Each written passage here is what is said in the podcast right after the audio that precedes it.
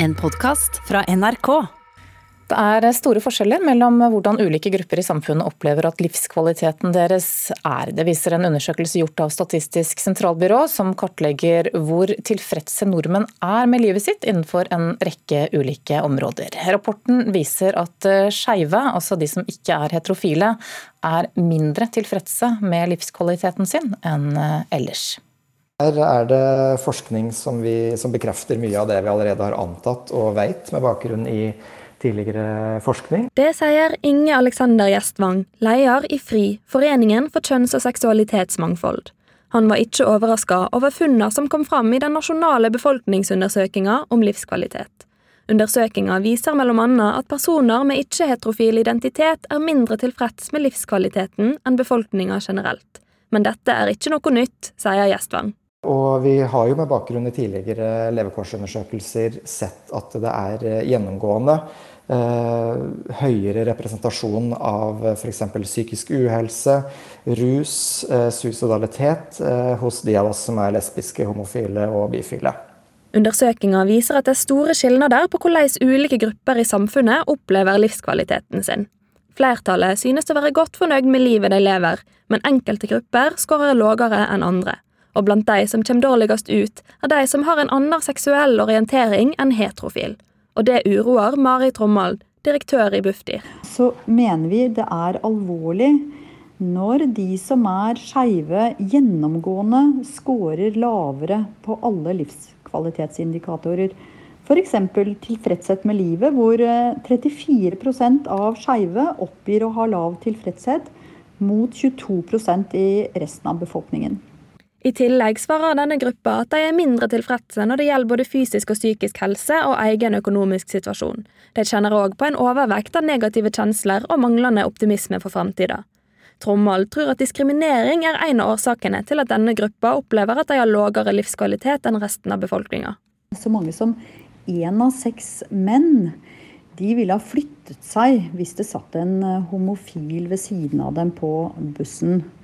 Og det er klart at den typen holdninger det er veldig sårende for folk å oppleve at de er rundt dem. Og det resulterer nok i at eh, de som er skeive, de merker på seg at de blir diskriminert. Eh, og det, er, eh, det preger også livene deres. Og det slår her ut på livskvalitet. Og det er Fafo-forsker Arne Becker Grønningsæter enig i.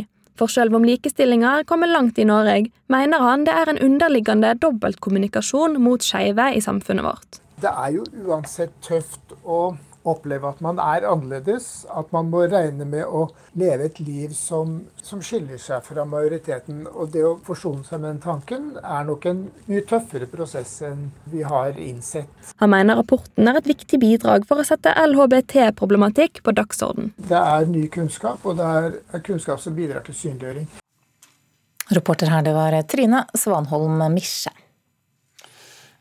Det nye regjeringskvartalet vil koste 24,1 milliarder kroner. I tillegg er det allerede brukt 8 milliarder kroner på planlegging og riving av de byggene som skulle rives, og leie av midlertidige lokaler, ikke minst.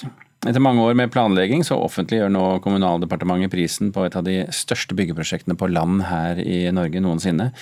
Karin Andersen fra SV og partileder i Rødt Bjørnar Moxnes mener det må finnes alternativer som gjør at man kan senke kostnadene her.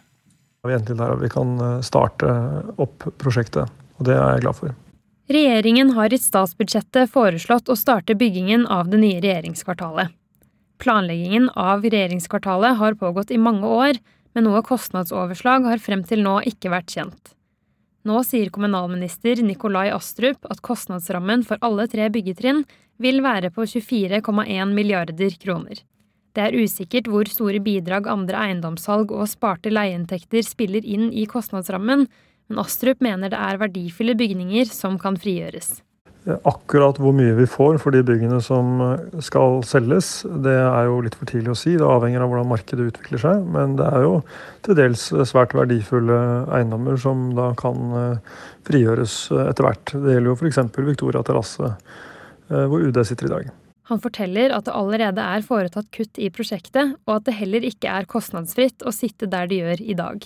Jeg kan ikke se at vi har noe særlig alternativ til å eh, realisere dette eh, regjeringskvartalet. Eh, for det første har det vært bred enighet om at vi skulle ta regjeringskvartalet tilbake. Og det har vært viktig i kjølvannet av terroren at vi har en klar ambisjon om det.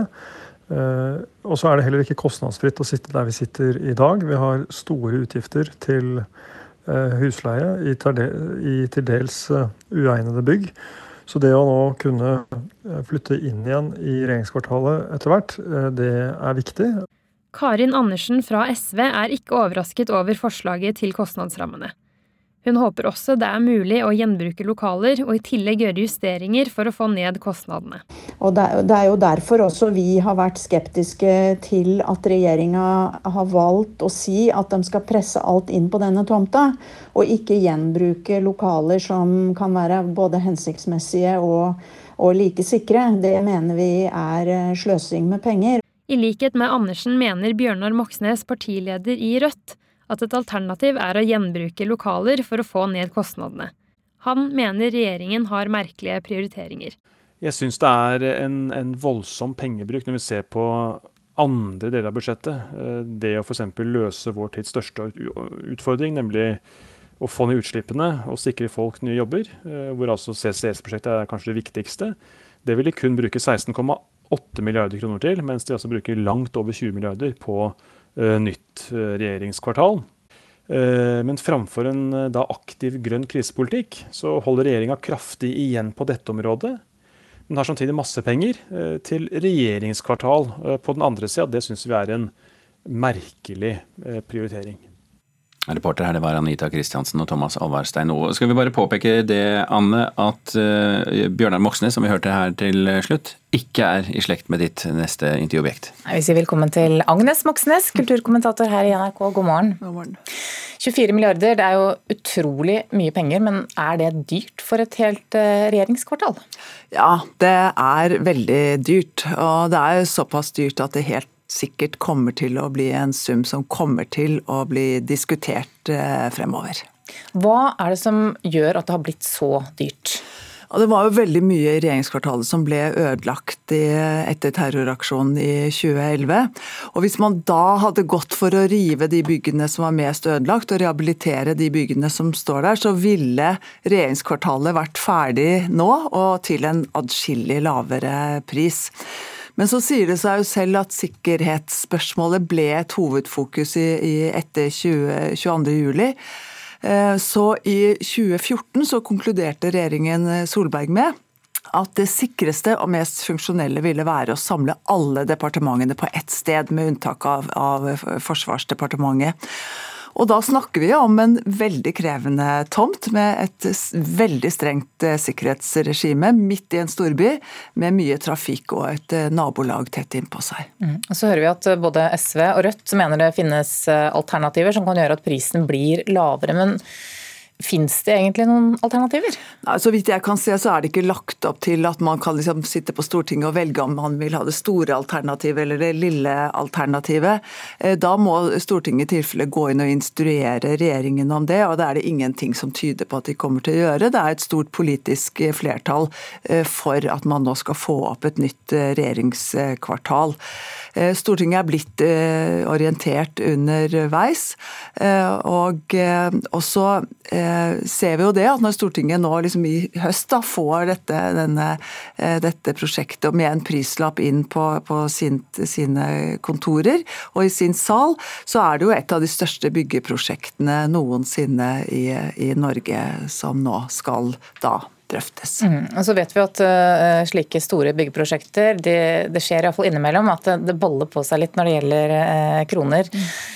Den prisen vi ser nå på 24,1, er det den prisen det blir, eller kan det også bli enda dyrere? Sluttsummen kommer til å bli dyrere, og det kommunalminister Nikolai Astrup unnlot å si i dette intervjuet her, er jo at det bl.a. kommer en regning på pluss-minus 2-3 milliarder kroner når man skal eh, senke en tunnel som går rett under regjeringskvartalet av sikkerhetsmessige grunner.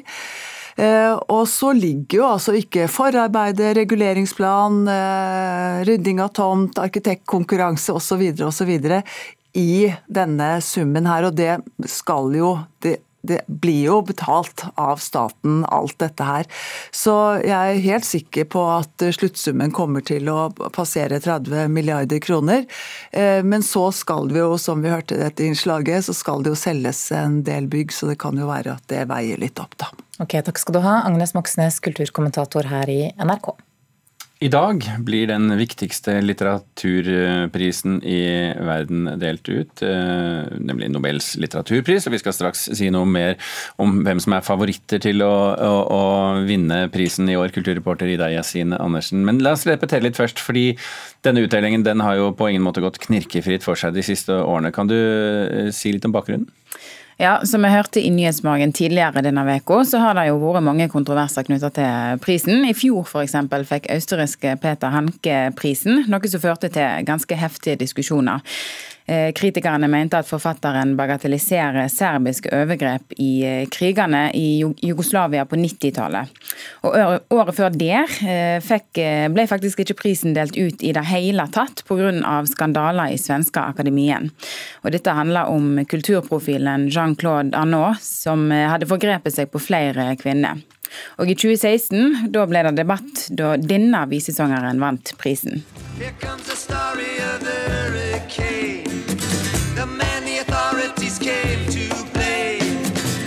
Ja, Bob Dylan er jo kjente og kjære toner for mange, men det var altså mange som var misfornøyde med at en musiker vant litteraturprisen. Mm, men alle disse kontroversene til tross, eh, så er det jo alltid spenning hvem som vinner, og hvem er det som ligger godt an i år på, eh, på listene?